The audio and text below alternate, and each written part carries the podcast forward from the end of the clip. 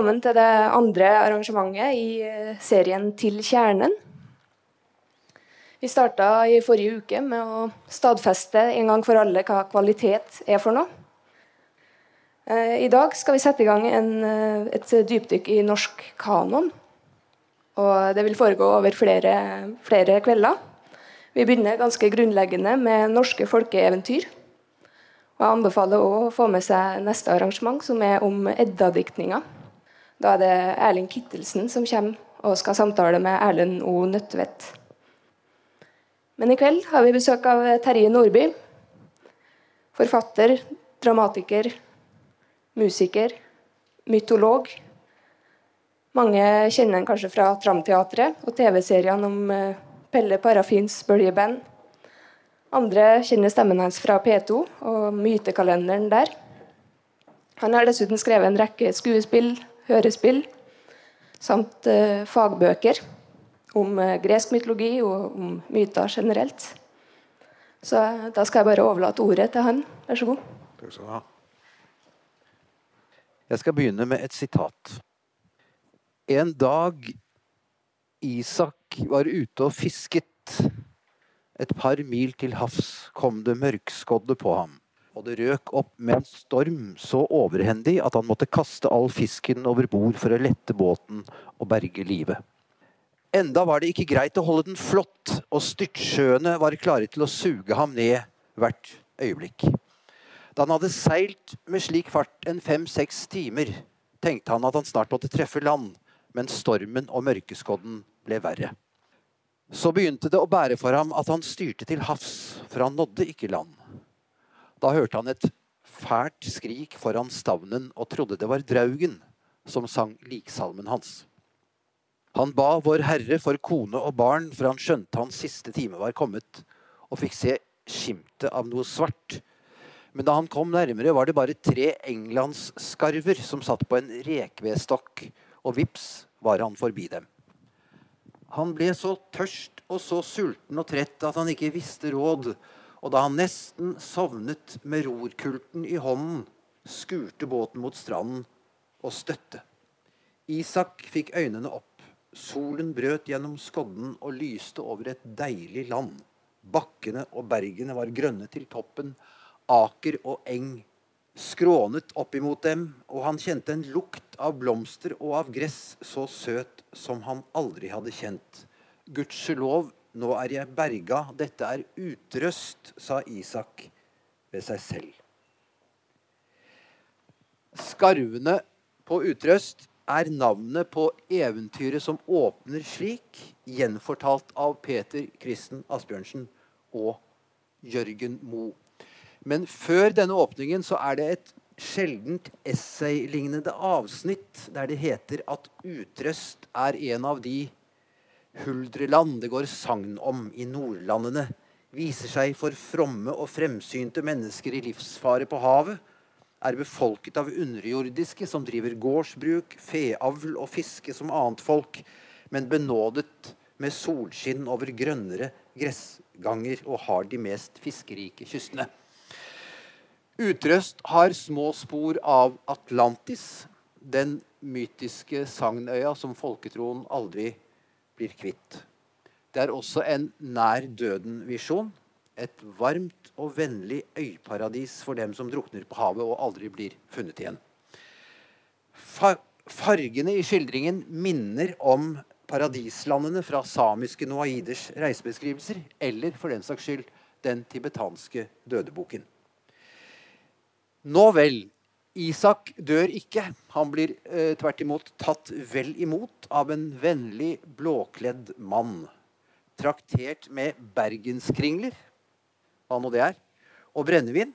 Får være med på et innbringende fiske, og møtet med Utrøst bringer ham lykke for resten av livet. Men eventyret kan også leses som en fortettet siste sødmefylt opplevelse før drukningsdøden, og at resten av livet er en tenkt virkelighet som varer ett sekund. Nå er folkeeventyr flest langt fra arena for komplisert psykologisk fortolkning. Det fortelles tvert imot klart og tydelig. Det understrekes, det skapes forventning, og det underholdes. Asbjørnsen og Mo kaster lys over et mangfold av snurrig folketro, tar tak i en muntlig tradisjon som er av gammel og uklar opprinnelse, og forvandler den til litteratur som glitrer godt i norsk tradisjon. De gjør som solen med den fortvilede fisker Isak i livsfare, bryter gjennom skodden og lyser over et deilig land. Men samtidig kan det være verdt å huske at de gjør det så ydmykt at de får med seg understrømmen i fortellerens historier. Asbjørnsen og Moes folkeeventyr har hatt en vesentlig plass i det norske samfunnet i flere generasjoner. Og selvfølgeligheten er en trussel mot en levende trivsel i de fleste av livets forhold. Eh, folkeeventyrene har betydd så mye for norsk språk og norsk identitet. Og vi har lært så mye om hvor viktig de er, at vi ikke lenger ser dem så veldig godt. Eh, ordet 'viktig' er et effektivt drapsvåpen eh, overfor særlig unge menneskers potensielle interesse. Men deres plass i eh, vårt nasjonale hjerte forteller noe om hvem vi var, og hvem vi er. Vi bruker uttrykk som 'Askeladden' i næringslivet og 'kjerringa mot strømmen' i det offentlige språk. Er dette tilfeldig, tilfeldige språkbilder, eller er vi under konstant påvirkning av eventyrene? I folkeeventyrene forteller Madam Skau om de døde som holder gudstjeneste om natten. Mumle Gåsegg spiller kort med djevelen. Gutten finner nordavinden og begynner å forhandle med den. De underjordiske lever sitt eget liv og roper meldinger i kodet form. Og vi møter Gullfuglen og Smørbukk og Veslefrikk. Og mye foregår i skogen. Skogen har gitt oss hus og redskaper og båter og tyrirøtter og tjære og fyrstikker. For ikke å snakke om papir, for, en sentral forutsetning for å spre det trykte ord. Men skogen er også mytisk. Eh, til enkelte tuntrær ble det på Asbjørnsen og Moes tid fortsatt ofret kjøtt og lefser ved stammen. Man bar øl til trærnes vetter for at de skulle holde seg i trærne og ikke komme inn. Peter Kristen Asbjørnsen, sønn av en glassmester, vokste opp midt i Kristiania. Svennene fortalte spøkelseshistorier, og hans mor trodde fullt og fast på de underjordiske, så dem levende for seg. Som barn lekte gutten gjemsel med andre barn i nabogården med hemmelige ganger. Av og til søkte de ut av byen, særlig til Ekeberg, rett øst for Oslo, der Norway Cup nå foregår, var det stor skog på 1800-tallet. Luktet på hegg, plukket, plukket, jordbær og brøt kvist til seljefløyter. Sammen med læreguttene på verkstedet var han ute og hørte på orrhanen. Og min tese er at bare en bygutt fullastet av magiske fortellinger kunne sett skogen som en eventyrskog. For folk flest var skogen et sted for trevirke og slit. I en sommernatt på Krokskogen skriver Asbjørnsen det bar oppover, og da jeg hadde gått over en liten åskam, så jeg et par blinkende skogtjern mellom furustammene. Og ved et av tjernene lå en seter på en grønn bakke i aftensolens gull. I skyggen under bakken sto bunker av frodig ormegress. Gjeteramsen kneiste yppig mellom stenene med sin høye, røde, praktfulle blomstertopp men den alvorlige stormhatt hevet hodet høyere, så mørk og giftig på den, og nikket takten til gjøkens gal, så ville den telle etter hvor mange dager den hadde igjen å leve.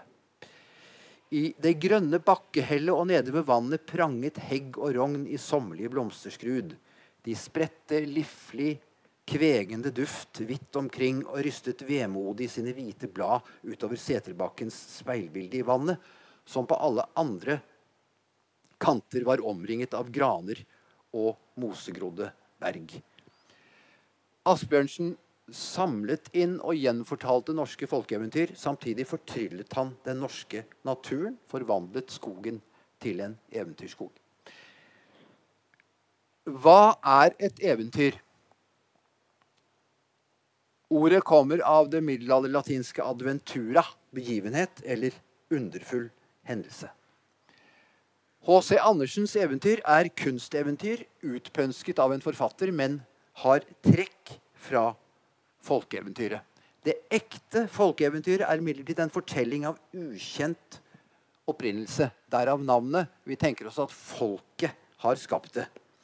Det har levd og vandret gjennom nasjoner og over kontinenter så lenge at ingen vet når det la ut på sin ferd, og hvor, hvorfra. For ikke å snakke om hvorfor. Det gir inntrykk av å være tidløst og gjør i utgangspunktet ingen krav på troverdighet. Men folketroen det bygger på, var reell nok, og det reflekterer også seder og skikker og for den saks skyld teknologi fra bestemte tider. Men siden folkeeventyrene ble satt fast til papir på midten av 1800-tallet, betyr det også at de ikke har forandret seg siden, og dermed ikke tilpasset seg det moderne liv. Det forekommer ingen flystriper på himmelen over Soria Moria slott. Og prinsessen og Tommeliten selger ikke bryllupet sitt til Se og Hør. Men de menneskelige trekkene kjenner vi igjen. Eventyret handler om de store ting i livet det litteraturen til perioder har vanskelig for å svelge. Kjærlighet, død, svik, heltemot. Og det er alltid en magisk forestillingsverden. Bord dekker seg selv, og dyr snakker. Det magiske elementet er en del av eventyret, ellers så er det ikke noe eventyr. Og det har gjerne et enkelt budskap, og det er nesten alltid det lønner seg å være snill og hjelpsom. Det begynner med en standardvending. Det var en gang. Og slutter med en avrundende replikk som er de ikke døde, så lever de enda. Og for å innprente noe viktig og øke spenningen og gjøre det lettere å huske, og dermed gjenfortelle, benyttes mange gjentakelser. Tre troll, tre brødre, tre prøvelser. Og den siste er alltid den viktigste. Dette er fra en prekensamling av en fransk korsfarerbisp på 1200-tallet. En ung gutt som fra barndommen av var oppdratt i ørkenen, dro en dag i følge med en abbed til byen. Og da han så en flokk kvinner som danset, hadde aldri sett en kvinne før, spurte han hva det var. Abbeden svarte, av en eller annen merkelig grunn, vil jeg si, det er gjess. Da de kom tilbake til klosteret, begynte gutten å gråte, og abbeden spurte ham, 'Min sønn, hva er det du vil?' Han svarte, 'Fader, jeg skulle så gjerne ville spise de gjessene vi så i byen.' Det var den lille historien. Og dette fra 1200-tallet. Og dette er en fortelling etter Ragnhild Rindhølen i Ringebu mer enn 600 år senere. Det var en gang en mann som bodde langt borte i skogen. Kona hans var død, men så hadde han en sønn. Og den gutten hadde ikke sett andre folk enn far sin. Da gutten ble voksen, tok faren, han, faren hans ham med i kirken. Da fikk gutten se kvinnfolk for første gang og spurte hva det var. Er gjess, svarte faren. Men da sa gutten, ei slik gå skal jeg ha meg, samme hva hun skal koste. Så ja. Dette jeg skal si litt mer om denne typen eventyr straks. Men, men øh, dette er for å begynne med dette spørsmålet hvor norske er de norske folkeeventyrene egentlig? Og jeg kommer tilbake til det. Men uansett, denne typen eventyr går under betegnelsen skjemteeventyr. Spas, moro, lett innhold som en lang, litt kronglete og ikke alltid så god vits. Eh, men det handler som oftest gjerne om dette handler jo da om en gutt som var dum, ikke i kraft av sin egen egenskap, men fordi han aldri hadde sett noe annet. Eh, ellers så handler det normalt om øvrighetspersoner, fogder og futer, som dummer seg ut. Eh, som en oppblåst person med makt kan gjøre. Eller som vi gjerne vil at han skal gjøre. Eller kjerringa mot strømmen, som ville klippe og ikke skjære åkeren og var så sta at hun, etter at mannen druknet henne, fløt mot strømmen.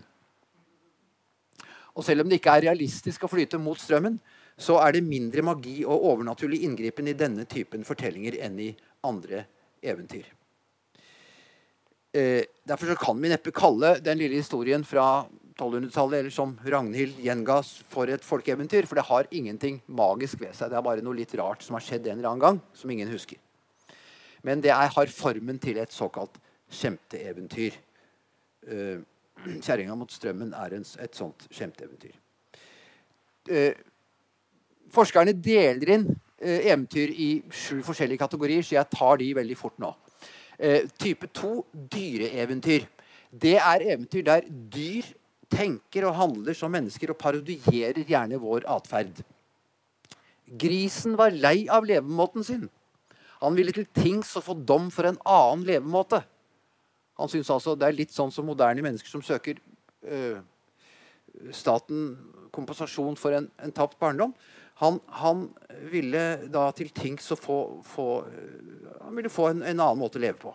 Og han fikk det. Han skulle få hvete og erter og ligge i silkeseng, var dommen. Så ble han glad og tok på hjemveien, heter det, og på vei hjem gikk han og småmullet for seg selv. Mange flotte ord i disse, disse folkeeventyrene. Å mulle for seg selv. Aldri hørt det før, men det gir mening. Hvete og erter å ligge i silkeseng, hvete og erter å ligge i silkeseng, sa grisen mens han gikk hjem, og dette hørte reven oppe i holtet. Og så tok han til, fint og gnelt. Skuler og rask å ligge i bøss, skuler og rask å ligge i bøss. I førstningen brydde ikke grisen seg om det, men drev på med sitt. Men smått om senn dro det etter ham, og han lyktet og tok etter. Og da han kom hjem, sa han 'skuler og rask og ligge i bøss'. Og så ble det sånn likevel. Så moralen her er at man skal være oppmerksom på alt som skjer rundt seg, så man ikke lar seg indoktrinere av reven. Og eh, sånn begynner et annet og mer kjent dyreeventyr. Eh, det var en gang en kone som skulle ut og leie gjeter. Så møtte hun en bjørn. Og skal du hen, sa bjørnen. Jeg skal leie meg gjeter, sa konen. Vil du ikke ha meg til gjeter, sa bjørnen. Jo, bare du kan lokke, sa konen. Og så lokker han, så sier han høy på en sånn måte som er helt eh, dårlig lokking. Nei, deg vil jeg ikke ha, sa konen da hun hørte det, og gikk sin vei. Og så ender det med at hun bruker reven i stedet, for han lokker så fint. Men det er bare for å lure, for han spiser opp alle dyrene hennes. Så, så, moralen her er at man skal passe seg for en som lokker med vakker stemme, for det kan være en psykopat, eller altså en slu rev. Eh, en tredje kategori undereventyr er lange, og handlingen foregår i en magisk verden der hovedpersonen kjemper mot overnaturlige motstandere om å løse flere tilsynelatende umulige oppgaver før han eller hun seirer. Og dette skjer helst med støtte av en overnaturlig hjelper. Eh, eksempel er 'Østen for sol og vesten for måne', det mest gjenfortalte av alle norske eventyr, og faktisk det mest kjente eventyr på hele det eurasiatiske kontinent. Det fins 70 varianter av dette i Norge. Og dessuten en annen versjon av samme fortelling med en annen vri. 'Kvitbjørn kong Valemon'. Eh, handler om husmannsjenta. I andre versjoner er hun prinsesse. Eh, som blir bortført av en bjørn og kommer til en vakker sal der alt ligger til rette for et godt liv. Det er mat og drikke i mengder og, og dekketøy av sølv og gull, men ingen levende vesener. Og hver natt kommer det et menneske og legger seg hos henne, og hun får ikke se ham. Lang historie. Hun blir utsatt for en mengde prøvelser. Hun klarer, og dermed så ender det godt. Med kjærlighet og ekteskap. Og Den klassiske uh, originalen til dette er fortellingen om Amor og Psyke, som jeg kjenner veldig godt fra mytologien. Mer enn 2000 år gammel. Psyke er en dødelig prinsesse, så vakker at hun blir tilbedt. Uh, og det har en bieffekt av å være så vakker, fordi at uh, mennene blir redd henne. De tør, ikke, de tør ikke fri til henne. Men uansett blir kjærlighetsgudinnen Afrodite misunnelig fordi at mennene nå dyrker en kjølig kvinne, mens hennes tempel dermed forfaller. Og hun sender da sin sønn Amor, eller Eros, som han heter i Hellas, for å føre jenta på avveie. Men Amor blir selv forelsket i henne. Så kommer det en lignende fortelling. Hun kommer til en sal der hun ikke kan se et levende vesen, men det er noen som legger seg ved henne hos natten osv. Og etter alle prøvelsene ender også disse to, altså Eros eller Amor og Psyke, som et par. Samme fortelling med variasjoner. En fortelling det er skrevet veldig mye om. Sjelen og erotikken, eller sjelen og kjærligheten, som har sine problemer, og som finner hverandre. Fjerde kategori religiøse eventyr. Har et kristent innhold og er en slags moralske fabler gjennom bruk av kristne hovedfigurer. Og det er da gjerne Gud eller Vår Herre, Jesus, apostelen Peter, Sankt Peter opptrer i mange av dem. Eva, den første kvinne. Jomfru Maria eller djevelen. Det er de viktigste. Eller det er flere av disse. Og dette er en type fortellinger som fantes i prekensamlinger fra middelalderen, og derfra kom seg inn i eventyrsamlingene. En gang mens Sankt Peter og Vår Herre gikk og vandret på jorden, kom de til en kone som sto og vasket klær. Det var både hele og gode klær. Men da Vår Herre spurte hva hun vasket, svarte hun hun var kanskje redd for at de skulle be henne om et plagg. Og det er bare noen filler. Ja, så la det bli filler, da, sa Vår Herre, og så ble det filler. Dette gjentar seg da, og så kommer de til en annen kone som faktisk vasker filler. Og de spør henne også, og hun svarer, 'Jeg står og vasker klær til barna mine.' 'De er ikke rare, Gud bære oss, men de blir da rene.' 'Ja, er det klær, så la det bli klær', sa Vår Herre. Og med en gang ble fillene til hele og gode klær. Så her er det da den første kvinnen som er noe, noe skeptisk til fremmede og smålyver. Eh, den andre eh, var ærlig og tjente på det. Enkle ting. Effektiv Eh, pedagogikk. Femte kategori etiologiske eventyr, som også egentlig betyr opphavshistorier. Men det er ikke vanlige opphavshistorier. Her, eh, disse eventyrene bruker religiøse personer til å forklare hvordan noe er i naturen, særlig med dyr. Hvorfor hunden har kald snute, hvorfor eh, flyndra ser ut sånn som det gjør, hvorfor svalen ser, flyr som den gjør, osv. Uh, seks novelleeventyr. Fattigere på overnaturlige hendelser. Og her er det helst personenes egenskaper som løser konflikten. Prinsessen som ingen kunne målbinde, er en av de. Og det er så kjent at det hopper jeg fort over. Syvende og siste kategori derimot skal jeg ikke hoppe over. Det dumme trollet. Det er en egen gruppe. Ingen annen eventyrtype er registrert med flere norske varianter enn denne. Eh, og om det er ett vesen som preger vår eventyrverden og gjør den norsk, så er det verken Askeladden eller prinsessa eller jomfru Maria eller Gullfuglen eller noen av disse. Det er trollet. Og trollet er også, i en viss forstand i hvert fall, unikt norsk. Alle kjente kulturer forteller om monstre. Og monstrene kan nødvendigvis ikke være så veldig forskjellige fra trollet, men Våre monstre, trollet, springer ut av selve naturen. Av skogen og fjellet. Eh, ser også på disse malerne, Astrup og disse som malte troll i, i nasjonalromantikken, hvordan de av og til transformerer fjellformasjoner og skogformasjoner til silhuetter som ligner på troll. Hva eller hvem er trollet, og hvor kommer det fra? Det var Irlands konge Bold. Han tala til sine menn. Kven skal nord i Trollebotn og hente mi dotter heim? Slik begynner en ballade fra Seljord. Kongen klager over at alle heltene har reist av gårde, og ingen har kommet tilbake. Men så kaller han på Åsmund, kalt Fragdejeva. Han som er så dyktig at han vinner ros og ære. Og Åsmund svarer at ja, hvis han får ekte kongens datter, Hermelin, så skal han dra for den fagre hermelin er noe å risikere livet for. Så fer eg nord i den skome heimen som soli ikkje skin. Åsmund seiler i stor fart nordover og kommer til uhyrets mørke gjemmer.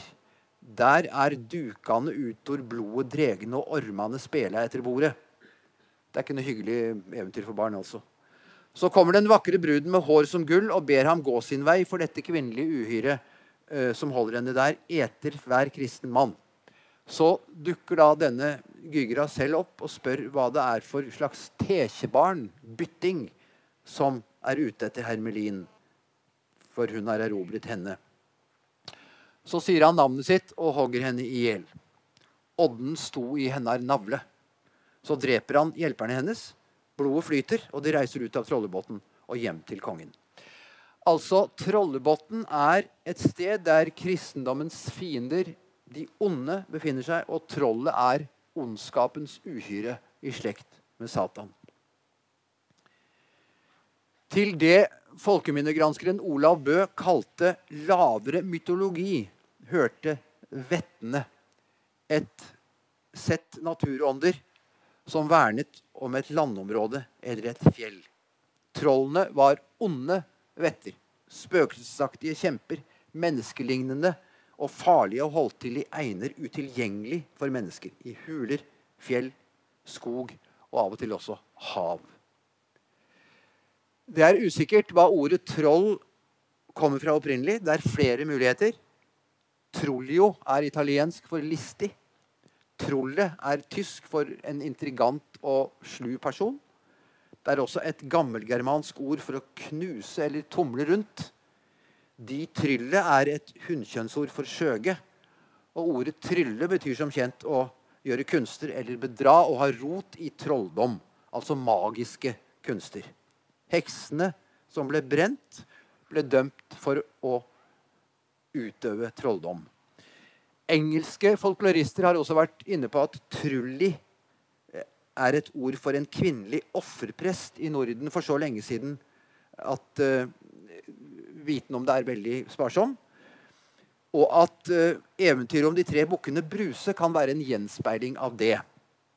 Bukkene stanger i hjel det trollet som vil at de skal ofre til elven før de går over brua. Og så er de kvitt bryderiet med å være ærbødige overfor naturen, øh, siden de stanger det i hjel, og kan gå på seteren og inn i sine egne egoer og spise og gi blaffen i alle andre. Det er, det, er, to måter å se det eventyret på. Jeg alltid syntes det var litt pussig. Ender med at de, de stanger i hjel et troll, og så går de og spiser, og så slutter det der. Eh, i Høna tripper i berget fortelles det om en enke i en avkrok med tre døtre og ei høne. Her stjeler trollet, eller bergmannen som det heter her, den ene høna og lokker etter tur de fire kvinnene inn i berget når de skal prøve å få den tilbake.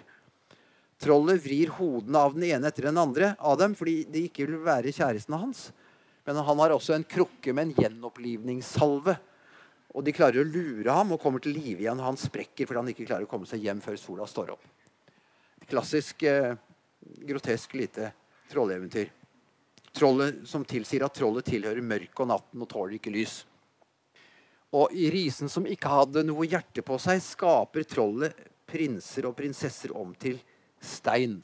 Men kongens yngste sønn, Askeladden, får hjelp av en fugl, en fisk og en ulv.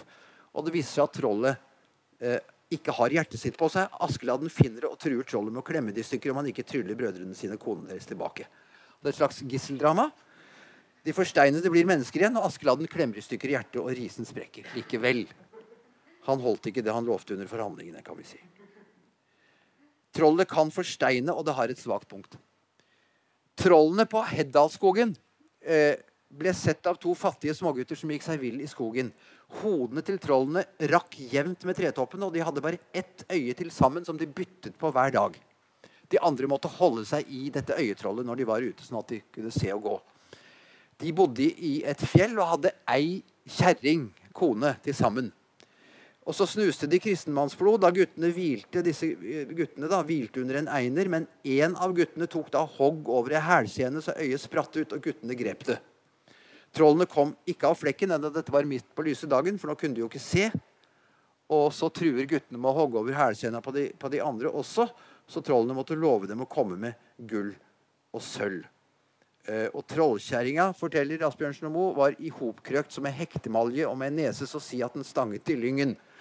Til slutt sier guttene at trollene skal få tilbake øyet når sola kommer, men da blir trollene livredde og drar tilbake inn i fjellet.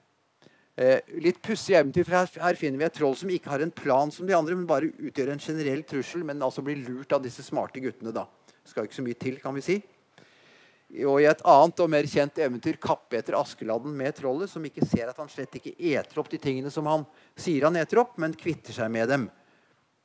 Og trollene blir mer og mer lettlurte jo nærmere vi kommer vår egen tid. Komme tilbake til det. Trollene har også invadert litteraturen. Jonas Lie ga ut to novellesamlinger i 1891 og 1892 med tittelen 'Troll'. Og han skriver i innledningen at der er troll i mennesker, vet enhver som har litt øye for den slags. En gang jeg kjørte i slede gjennom en skog, skvatt hesten for en stor, skremselsfull steinblokk der lå og kikket frem i måneskinnet under en trollaktig vokset bjerkelugg. Siden har jeg møtt dem igjen i en gammel jurist. Et påfallende treet ansikt, øyne som to matt overtrukne glansstener, en forunderlig sikker dømmekraft, utilgjengelig for å rykkes eller villedes av inntrykk. Så en jurist var da et troll for, for i hvert fall denne spesielle juristen, for Jonas Lie. Og dette er jo en temmelig moderne beretning kan man si, eller betraktning eh, til å være skrevet for mer enn 100 år siden. Der snakker han om trollene som symboler og blander elegant naturkraft og psykologi. Og det ser på eventyr og myter som symboler for, for noe eh, Sånt var helt uvanlig inntil eh, Freud.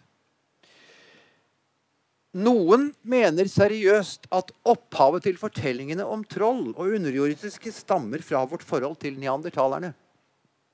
En menneskeslekt som oppsto før oss og døde ut for bare 28 000 år siden. Vi har altså levd mesteparten av vårt liv samtidig med, med neandertalerne. Og nå snakker jeg da om Homo sapiens, sapiens, sapiens som er spesifikt oss, har den, hatt den samme hjernestrukturen. Vi er et eller annet sted mellom 150 og 200 000 år gamle. Eh, Neandertalerne derimot er eldre. De var kraftigere enn oss, tålte kulde bedre, men hadde sannsynligvis ikke noe særlig verbalt språk. Det er også sannsynlig at de var omtrent like intelligente, men kunne da altså ikke kommunisere på samme måten. Trolig. Ingenting av dette er jo helt sikkert eh, som naturlig kan være. For 50 000 år siden var det bare neandertalere i Europa. For 20 000 år siden var det bare Homo sapiens sapiens. Hva skjedde i mellomtiden? Kan noen av forestillingene om de store, sterke, annerledes, farlige vesener i fortellertradisjonen ha oppstått for så lenge siden og overlevd. Ja, jeg har lyst til å si at Det er nok lite sannsynlig, men det er en så fascinerende teori at jeg har lyst til å, å la spørsmålet stå. Både Bjørnson og Hamsun skriver om troll, for ikke å snakke om Henrik Ibsen. Per Gynt i tung bakrus slår seg i svime mot en stein og hallusinerer at han møter en grønnkledd kvinne som sier hun er datter av Dovregubben. Per bløffer da om at han er kongssønn, og sammen rir de inn i Dovregubbens hall.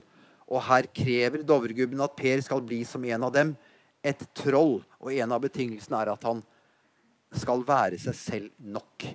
Per trekker seg i siste liten og blir nesten drept. Og Dovregubben dukker for øvrig opp igjen i siste akt som en gammel, utplyndret omstreifer. Hos Ibsen har, hos Ibsen har trollene, trollene, grisetryner og dessuten haler. Det er altså Ibsens påfunn. Eh, og Kittelsen fulgte Ibsens oppskrift og tegnet troll med kuhaler. Men vi ser altså tidlig på eh, 1800-tallet så baner folkeeventyrene og forestillingen fra folkeeventyret seg inn i litteraturen. Forfatterne bruker dette i fullt alvor og i, i skjemt. Da presten Andreas Faye gir ut den aller første norske samlingen av eventyr og sagn i 1837, er forordet fullt av forsikringer om at dette ikke er samlet og nedtegnet fordi at folk skal tro det. Overtro var farlig for samfunnsutviklingen. Vi gikk inn i fornuftens og industriens tidsalder, der folk måtte tenke klart og komme på jobb i tide. Rasjonalitet og opplysning var de nye stikkordene. Trollet skulle sprekke. Og i en viss forstand så har det jo sprukket. I de nedskrevne folkeeventyret er ikke trollet lenger djevelsk og ondt og sadistisk, men blidgjort og godmodiggjort. Og det har blitt altså usedvanlig dumt. Kittelsens troll er milde og fredelige, og trollet hans på Karl Johan ser like forbauset ut som de han skremmer opp. Tegningen vi alle sammen har sett mange ganger. Eh, en altfor stor mann fra bygda, uflidd og trolig sjenert og med feil dialekt. Det er veldig langt fra det trollet som Åsmund Fregdjeva drepte i Trollebotn. For det tilhører de klassiske monstrene som heltene, menneskehetens frigjørere, slåss mot i mytenes og legendenes og sagnenes verden. Det er fullt av sånne monstre. Nihodede uhyrer, sjøormer, drager og livsfarlige menneskeetende okser. De spruter ild og plager sivilbefolkningen og elsker å spise kolossale mengder og samler på gull og kidnapper unge jomfruer og er en konstant trussel mot menneskeheten. Og det skal ikke mye fantasi til for å se at disse monstrene er symboler på grådigheten, det ødeleggende begjæret etter rikdom og makt, eh, som er det fortærende både for kulturen og samfunnet og mennesket som sådan. Og Sånn sett blir det, blir det mening i at helter bruker så mye krefter på dem. Skal individet og samfunnet leve et fullverdig liv, må indre monstre bekjempes. Derfor lever disse monstrene og heltene i alle kulturer omtrent som vi vet om, og derfor blir vi aldri kvitt trollet. Den franske poeten Baudelaire sa at djevelens største triks er å overbevise oss om at han ikke eksisterer. Kanskje det er trollene som har vunnet kampen eh, mot oss ved å late som om de er stokk dumme, og at vi, slik at ikke vi lenger tror på dem. Nå vel. På 1850-tallet var problemet omvendt. Mange trodde fortsatt på troll i fullt alvor. Det var en av grunnene til skepsisen mot i det hele tatt å samle inn eventyr. Å tro på den slags var hedensk. Det var best ikke å snakke om det. Og det sier sitt at da eventyrene endelig forelå og ble brukt, ble det bråk. Da lesebok for folkeskolen og hjemmet kom i 1863, ble det protester. For i tillegg til det kristne lesestoffet, som hadde vært enerådende til da, eh, inneholdt den denne boken norrøne gudesagn, bondefortellinger av Bjørnson og tekster av Aasen og Vinje på landsmål. Det fikk da enda gå, men den inneholdt også eventyr. Og i Jarlsberg i Vestfold gikk man til skolestreik mot skadelig diktning, som det het. Streik mot eventyr. Og det igjen var opptakten til at den første frikirkemenigheten ble dannet i Norge. Så kirken i Norge ble faktisk splittet pga. E eventyr. Så folkeeventyrenes uh, historie er altså trang fødsel, skandale og så ganske raskt nasjonalskatt. Men hvordan begynte det? Eh, hvordan oppsto ideen å samle og gjenfortelle det de fleste oppfattet som snurrige og ubetydelige historier fra avkrokene? Det er det lett å svare helt eksakt på. Julen 1812 kom 'Kinder und Hausmärchen gesammelt durch die Brüder Grimm' ut i Tyskland. En liten, men skjellsettende bok. Brødrene Grimm var jurister og bibliotekarer og studerte middelalderlitteratur. I motsetning til tidligere folkeminneinteresserte anla de et vitenskapelig syn på eventyrene. Så på dem ikke som naive, enkle fortellinger fra en primitiv tid, men med respekt. Eventyrene var fullverdige åndsprodukter. Og de ble nå skrevet opp direkte etter fortellerne slik de hadde levd i muntlig tradisjon, forsøksvis uten pynt. Eh, vel litt pyntete nok, men forsøket på å gjenskape en tradisjon de oppfattet som opprinnelig var der. Og Det kan vi se ved alle disse folkeminnesamlerne. Elias Lønnroth med Kalleball og også Asbjørnsen og Moe skal komme tilbake til det. Eh, eh, de har nok i mindre grad skrevet ned direkte og gjenfortalt direkte enn at de har prøvd å finne en slags øh, øh, Stilisere en slags tradisjon som har vært der, og prøvd å gjenskape den i gjenfortellingene. Tanken til øh, brødrene Grim var at eventyr, eventyrene var skapt av en diktende folksgeist, en folkeånd. En ubevisst virkende kraft innebygd i ethvert folk.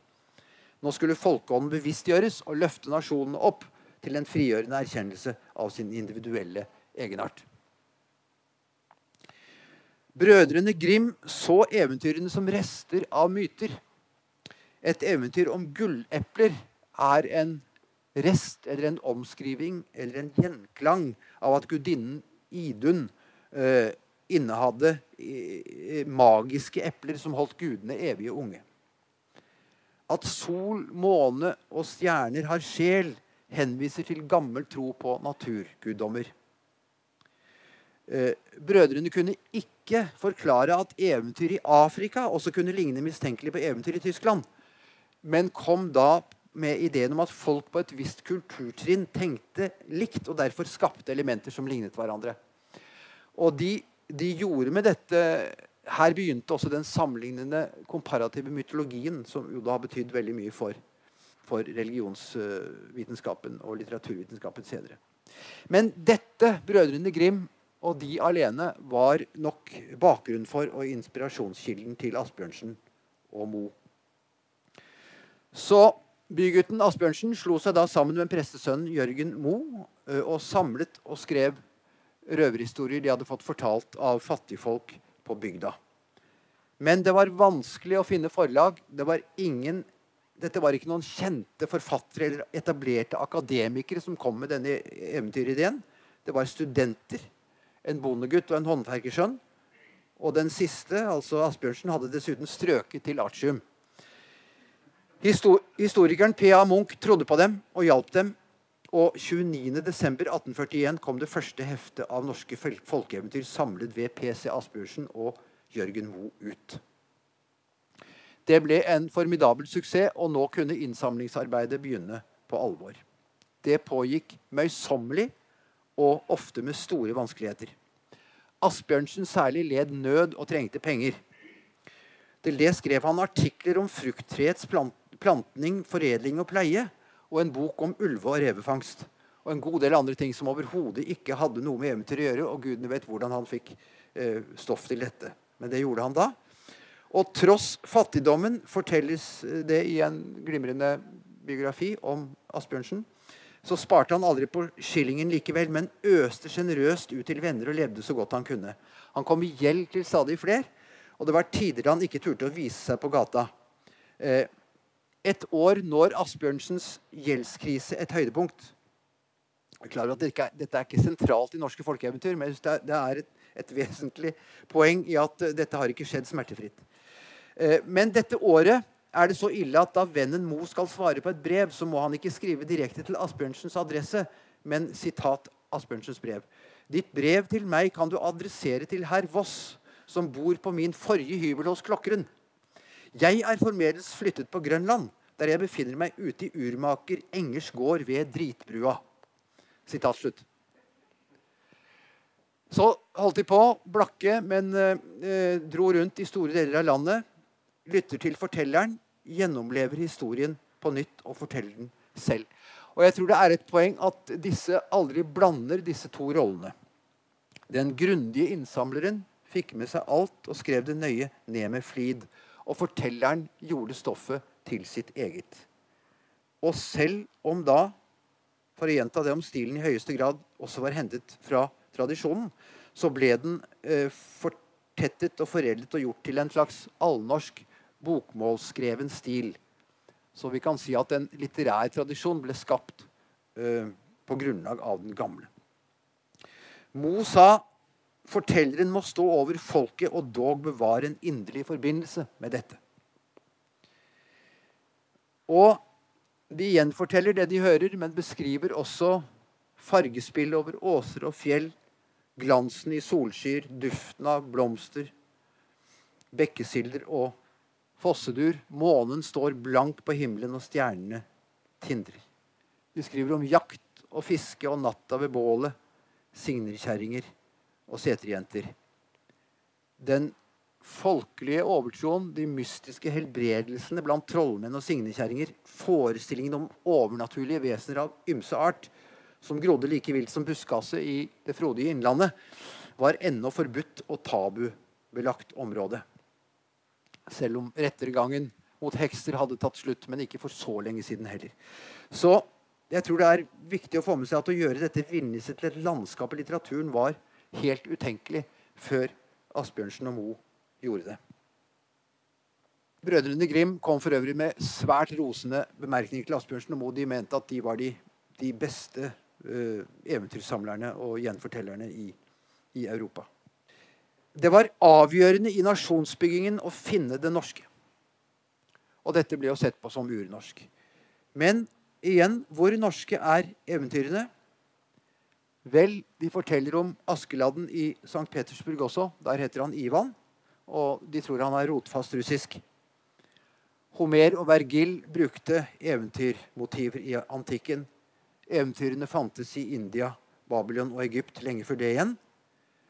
veldig mange av de samme eventyrene som gikk rundt i Norge på 1800-tallet, som vi kan lese fortsatt i dag. Folkloristen Molke Mo skrev om fortellingen 'Far sjøl i stua', og her siterer jeg da Molke Mo. Første gang jeg hørte dette eventyret ute på landsbygda, så tenkte jeg dette er da norsk. Ekte norsk. Like norsk som det malmrike bygdemålet her oppe. Det er utenkelig at dette kan ha opprundet andre steder enn her hjemme. Og den gamle 80-års kona som fortalte meg eventyret mimrende med munnen og ruggende med hodet, men likevel klart og levende, som om hun var med i det hun fortalte, den fattigslige stua hennes, der det ikke var så mye som et bord til å skrive på, bare en eneste krakk. Der jeg satt og skrev på knærne, selv satt hun på peishylla. Sommerdagen dirrende over dalen, og de blå fjellene lengst ute i himmelsynet. Alt samlet seg, alt styrket meg i troen. Er noe norsk, så er det dette. Og så, en tid senere, fant jeg det igjen i en buddhistisk bok fra India.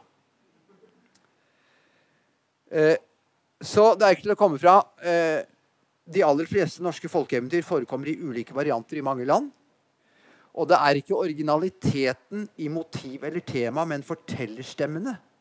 Lynne, temperaturen, landskapet, snøen, geiteramsen på Krokskogen og bergenskringlen på Utrøst som gjør at de norske folkeeventyrene er norske.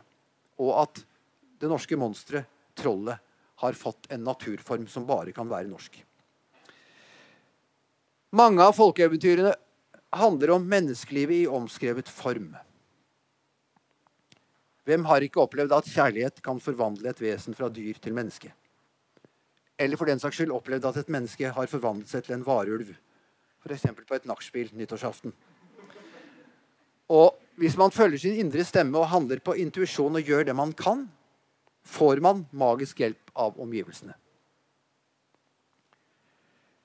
Eh, det er lett å enes om folkeeventyrenes sentrale plass i vår kulturelle og nasjonale bevissthet.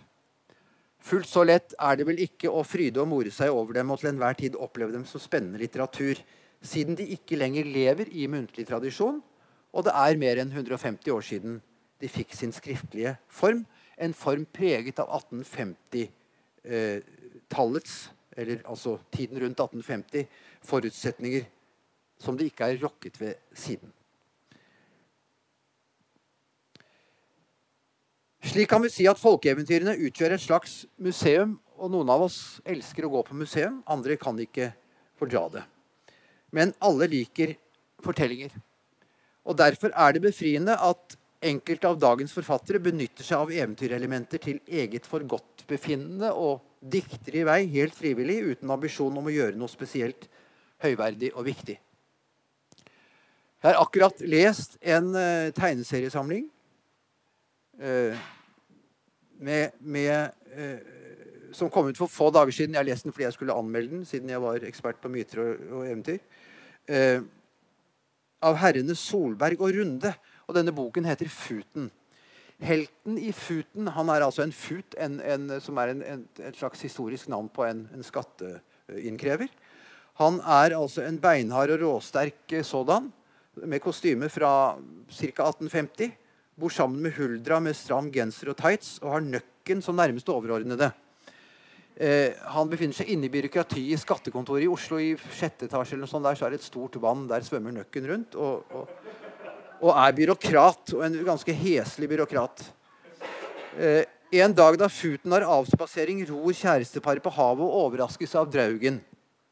Futen mener at Draugen bør ro i en halv båt, slik sagnene tilsier, men han har jo hel båt.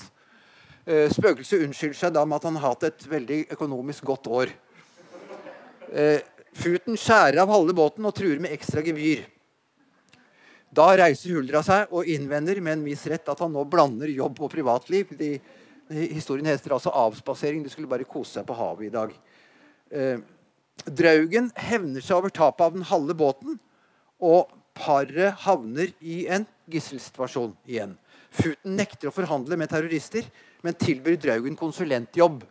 Så han har altså litt sånn eh, småkorrupsjon på si. Huldra syns nå dette går for vidt, slår Futen ned og gir Draugen båten tilbake. Og Forholdet mellom disse to blir helt, aldri helt det samme etter dette. Eh, dette er en av mange historier i denne boken som er et eksempel på hvordan man kan bruke eh, ting på en humoristisk måte.